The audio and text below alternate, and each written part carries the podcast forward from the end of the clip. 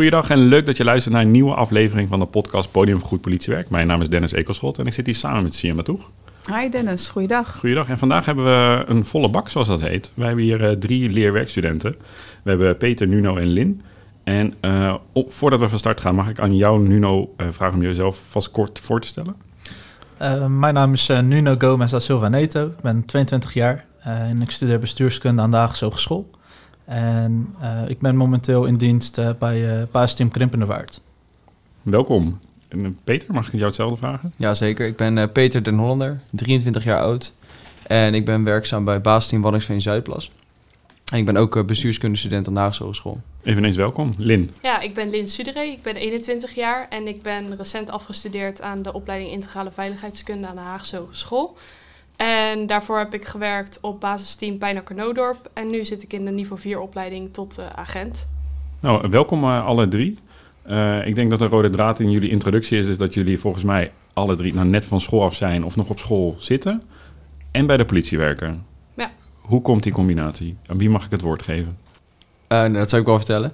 Um, ja, er is een samenwerking ontstaan tussen de Haagse Hogeschool en de politie in Den Haag een beetje een uniek programma. Uh, waarbij de studenten de kans kregen om uh, te werken naast hun studie. Uh, sowieso doen wij een duale opleiding. Dus dat betekent dat je de eerste twee jaar studeert en de laatste twee jaar werkt. En wij hebben de kans gekregen om dat bij de politie te doen. Dus dat betekent 32 uur per week werken en één dag terug in de week naar school. Dus veel van de praktijk zien en dat dan vervolgens school op een lager pitje. Maar wel je schoolopdrachten kunnen uitvoeren binnen de praktijk. En je, jullie twee doen dan bestuurskunde, Peter, en, nu, jij hebt integrale veiligheidskunde gedaan. Zijn dat HBO-studies? Ja. ja. Dus je bent eigenlijk uh, je bachelor aan het doen en aan het werken. Hoe doe je dat qua tijd? Ja, dat is soms, uh, soms lastig, ja. Ja, je 32 uur werken, dus maandag tot donderdag en dan vrijdag een terugkomdag. Uh, en je moet een beetje zien te kijken of je je schoolopdrachten die ze van je vragen kan uitvoeren in de praktijk. Want dan valt het goed te combineren. en anders wordt het doorgaan tot de late uurtjes. Oké, hoe is dat voor jou gegaan, Lin, dat combineren met school en werken? Nou, gelukkig had ik een uh, teamchef die uh, ja, daar heel erg aan meedacht en uh, ja, waar ook veel mogelijk was. Dus ja, we hadden de afspraak dat ik bepaalde opdrachten voor hem moest uitvoeren. Zoals een, ja, het, het, ontwerpen van een preventiekalender of het maken van structurele plannen van aanpak voor het VVC. En uh, dat zijn allemaal opdrachten die losstonden van mijn studie. Maar zolang die opdrachten gewoon goed uitvoerden en op tijd klaar waren uh, binnen de door hem gestelde termijnen, dan kon ik gewoon zoveel als ik wilde aan school werken. Dus dat was eigenlijk een beetje naar eigen inzicht inplannen en uh, zorgen dat alles gewoon op tijd af is. Maar je zei net ook dat je de opleiding volgt tot agent. Hoe zit dat dan? Toen ik klaar was op IVK, toen wilde ik eigenlijk heel graag binnen de politie verder. En tijdens mijn IVK-opleiding uh, merkte ik dat ik soms wel wat blauwe achtergrond miste hier en daar. Zeker in overleg met teamchefs of OSC's of OSA's.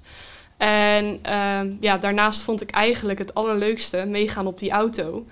Maar ja, als je HBO studeert, dan zit je vaak binnen. En dan uh, mag je wel af en toe mee op de auto, maar je kan niet zoveel omdat je een burger bent. Dus Um, ja, toen wilde ik eigenlijk heel graag doorstromen binnen de politieorganisatie.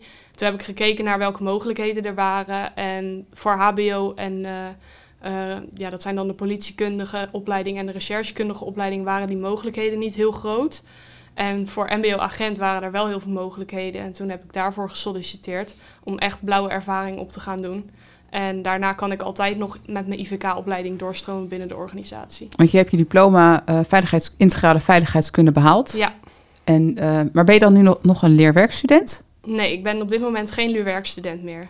Dus uh, ik ben nu echt eigenlijk aspirant. Ja, ja. En hoe was die stap voor jou? Voor jou hè? Als leerwerkstudent natuurlijk een hele andere takenpakket. Ja, ja klopt. Ja, um, je, je krijgt een hele andere rol binnen een bureau. In eerste instantie sta je eigenlijk een soort los van het blauw en uh, doe je echt dingen voor de teamchef uh, en voor de operationeel experts. Dus ben je veel meer eigenlijk wat hoger in die, in, binnen een basisteam aan het werk. En je bent ook wat abstracter bezig. Vaak zijn het probleem of ja, vraagstukken die een teamchef of een OSA heeft. En daar komen ze dan mee bij mij. En dan kon ik kijken van oké, maar welke ketenpartners hebben we daar nodig? Dus echt een integrale aanpak daarop loslaten. En nu is het eigenlijk veel meer vanuit het blauw um, ja, leren hoe de politie werkt. En dat is heel anders. Uh, dus ja, wat ik zeg, je krijgt een hele andere rol. Je zegt het echt heel blij. Wat vind je het allerleukste? Ja, ik vind het allerleukste. Ja, ik ben toevallig afgelopen woensdag mee geweest op de noodhulp. En dat vind ik gewoon het allerleukste. Gewoon mensen helpen. Ehm nou ja, ook, we, hadden, we hadden ook eh, iemand eh, die reed onder invloed. En dan kan je ook de wereld een stukje veiliger maken. Dus ja, dat vind ik het allermooiste. Ja, dankjewel. Alsjeblieft. Eh Peter, hoe is het voor jou, eh, eh, je, je rol als leerwerkstudent op een basisteam? Hoe ziet jouw werkdag eruit en wat kan ik me daarbij voorstellen? Nou, zoals Lin het net al zei, je zit voornamelijk onder de teamchef en de operationeel experts. Dus een normale werkdag van mij begint inderdaad met een vraag die komt vanuit, vanuit bovenaf. Dus het kan zijn, in mijn geval werk ik veel samen met de operationeel expert die op ondermijning zit. Dat is ook mijn begeleider. Dus veel integrale controles voorbereiden. Eh, welke ketenparts heb je nodig? Welke locaties pakken we? Het inzichtelijk maken van eh, de, de risicoprofielen voor die locatie. Maar dat kan bijvoorbeeld ook iets breder zijn. Eh, bijvoorbeeld, we hebben veel integrale controles uitgevoerd bij opslaglocaties. En we zagen dat daar heel veel werd aangetroffen. Dus hoe kunnen we naast het controleren van die locaties ook ervoor zorgen dat we misschien een stukje aan de preventieve kant zitten? Dus nu heb ik een onderzoek gestart naar: is het misschien mogelijk om een vergunningplicht in te voeren voor die locaties? Om ervoor te zorgen dat criminelen daar misschien überhaupt in eerste instantie al wegblijven. Dus het is een stukje wel de kant van de praktijk, maar veel inderdaad wat Lin al zei, op het abstractere niveau eh, onderzoek uitvoeren. Nuno, ik kan me voorstellen dat voordat je eh, begon bij de politie, dat je een beeld had van de politie. In hoeverre komt dat overeen met wat je toen zag en wat je nu doet? Nou, ik moet eh, eh, toegeven, het is eigenlijk een, een beetje een jongensdroom om eh, binnen de politie aan de slag te gaan. Dus mocht het niet, zeg maar, als leerwerkstudent zijn geweest, dan, was het, de, dan was de kans heel groot dat ik, dat ik toch wel een poging zou wagen om agent te worden. Nou, het, het komt heel veel overeen met wat, met wat we nu zien met die televisieprogramma's die echt gefo- gefocust zijn op het politiewerk.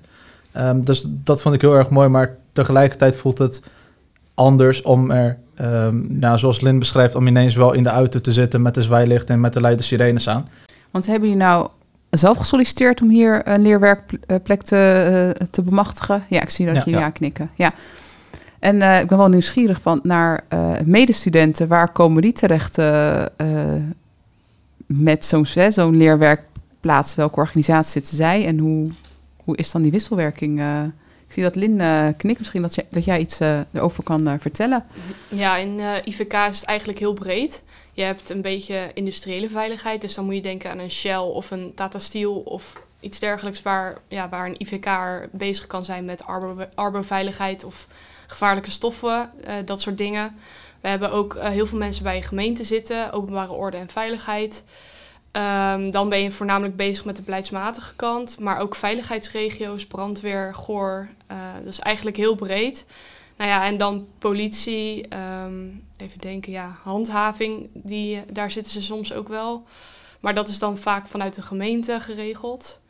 Ehm, ja, en private organisaties zoals een Arbo of eh, ja, andere organisaties. Dus het is eigenlijk heel breed. En hoe is dat voor de bestuurskundeopleiding?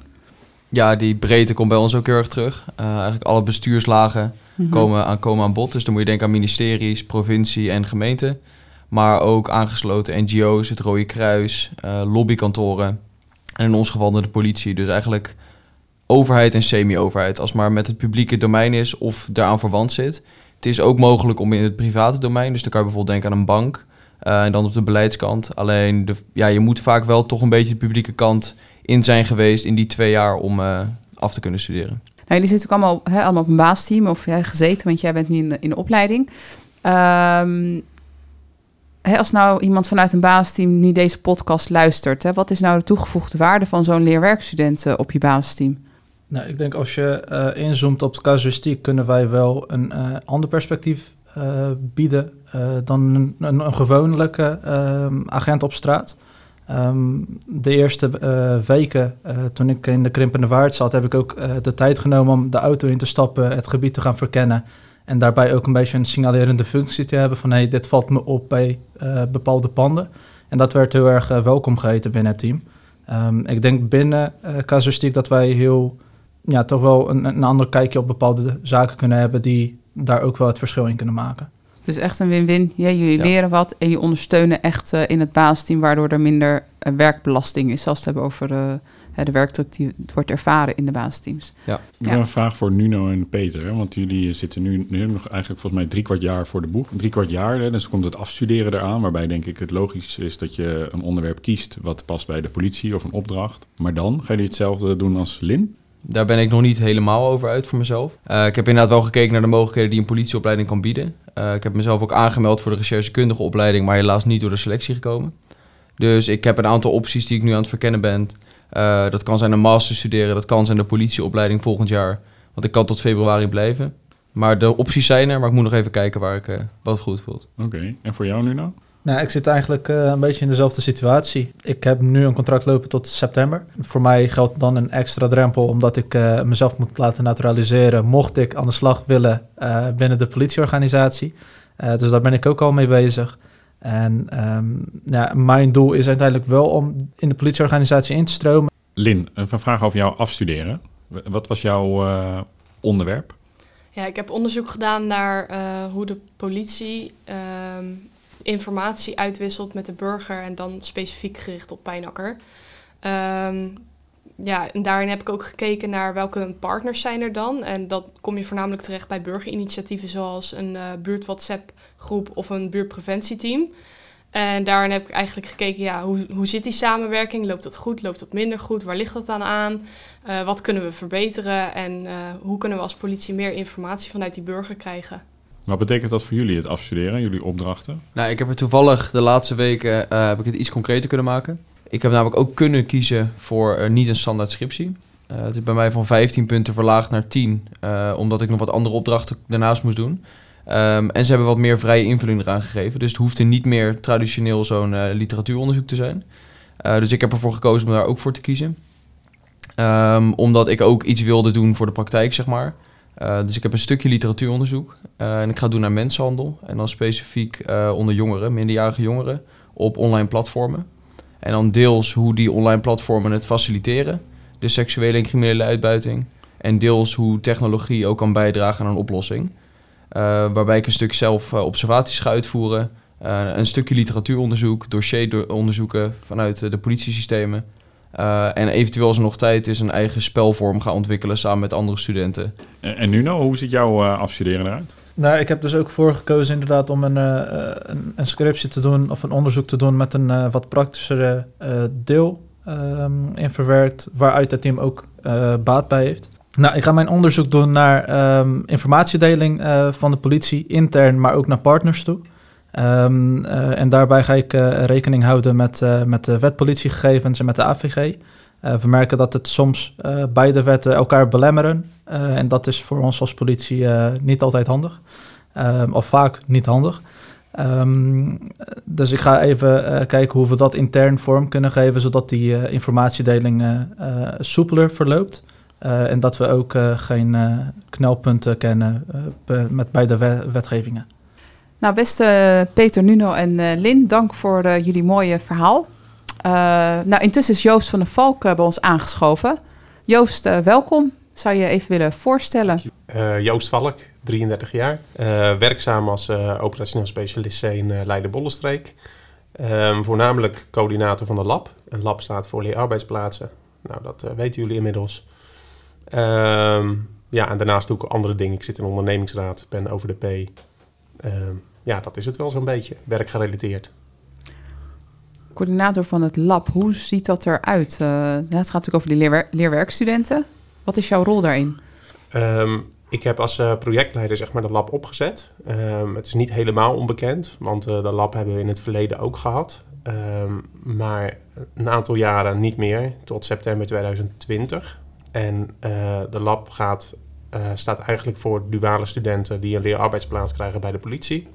Eh, we hebben daarin voornamelijk samengewerkt met de Haagse Hogeschool.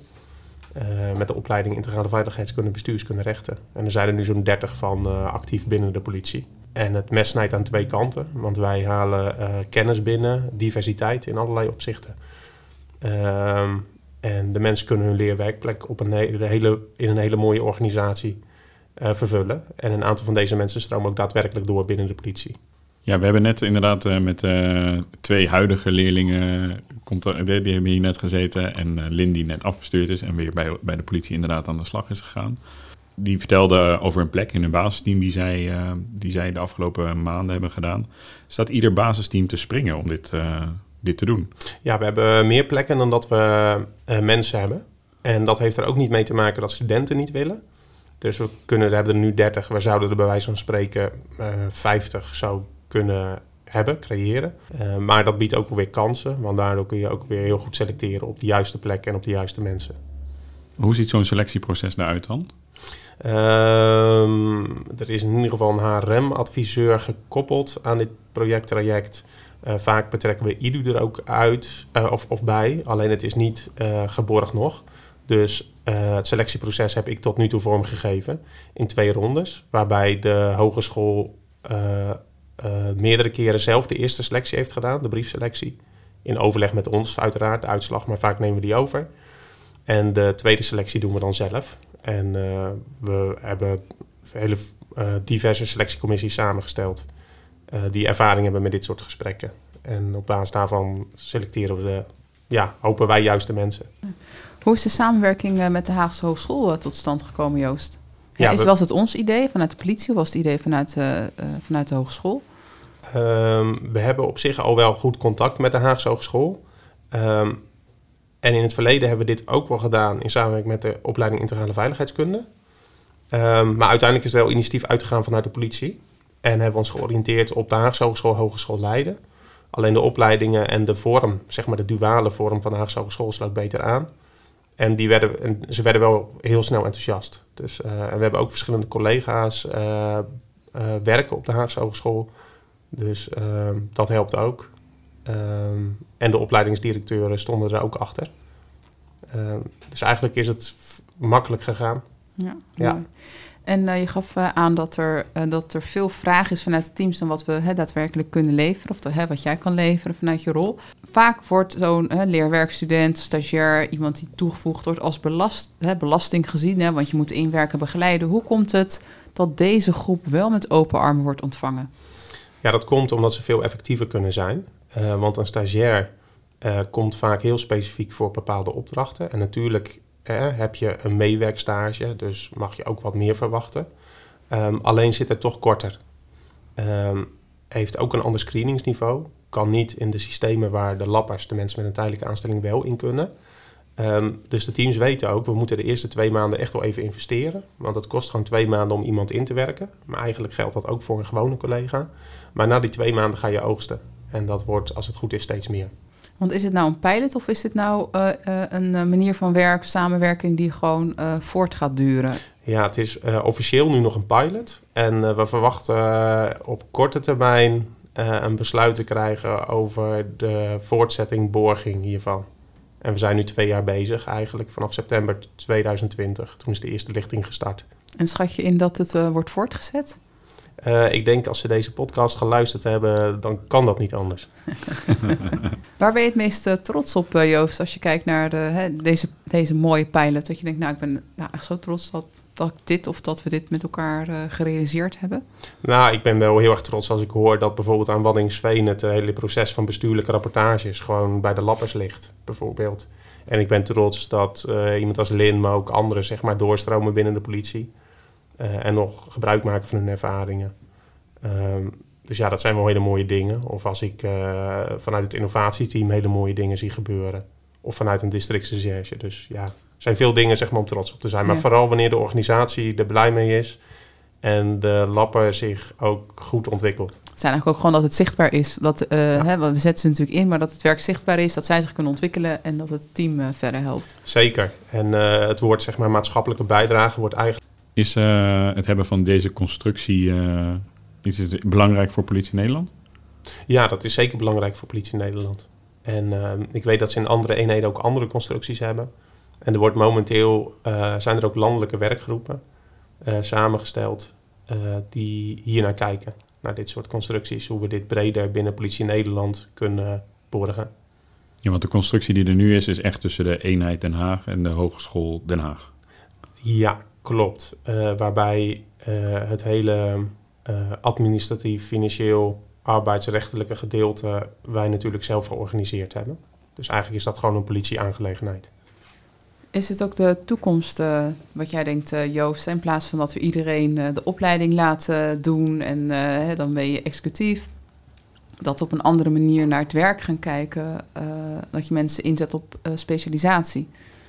Ja, ik denk het wel. Um, en je ziet natuurlijk die beweging op bepaalde functies, digitaal, financieel, zie je dat natuurlijk. Daar hebben we de AC, executief specifieke inzet. Maar ik was laatst bijvoorbeeld bij de afdeling Milieu. Ja, en daar zeggen ze eigenlijk hetzelfde. Van waarom moeten we hier nou iemand hebben, een collega die zoveel jaar ervaring heeft in de baasteams. En daar doen ze helemaal niet zo heel erg veel milieuzaken op. Terwijl je iemand van buiten kunt hebben die enorm veel kennis heeft. Joost, eh, als uh, collega's of luisteraars uh, vragen hebben over lab of over het inzetten van leerwerkstudenten, hoe kunnen zij aan meer informatie komen? Ze kunnen mij mailen. En um, mijn telefoonnummer is uiteraard te raadplegen in de telefoongist. Dus dat is de snelste manier. En uh, eventueel via LinkedIn. Mooi. Joost, mag je bedanken voor de komst? Ja, graag gedaan. En aan de leerwerkstudenten die stiekem nog aan het meeluisteren zijn bij deze podcast, jullie ook nogmaals, nogmaals dank. Sian, bedankt dat jij er was. Ook dank, uh, Dennis. En iedereen bedankt voor het luisteren. Wil je reageren op deze uitzending, dan kan dat. Neem dan even contact op of met Siam Toeg of met mij, Dennis Ekelschot. En wij zijn volgende week terug met een nieuwe aflevering van de podcast Podium voor Goed Politiewerk.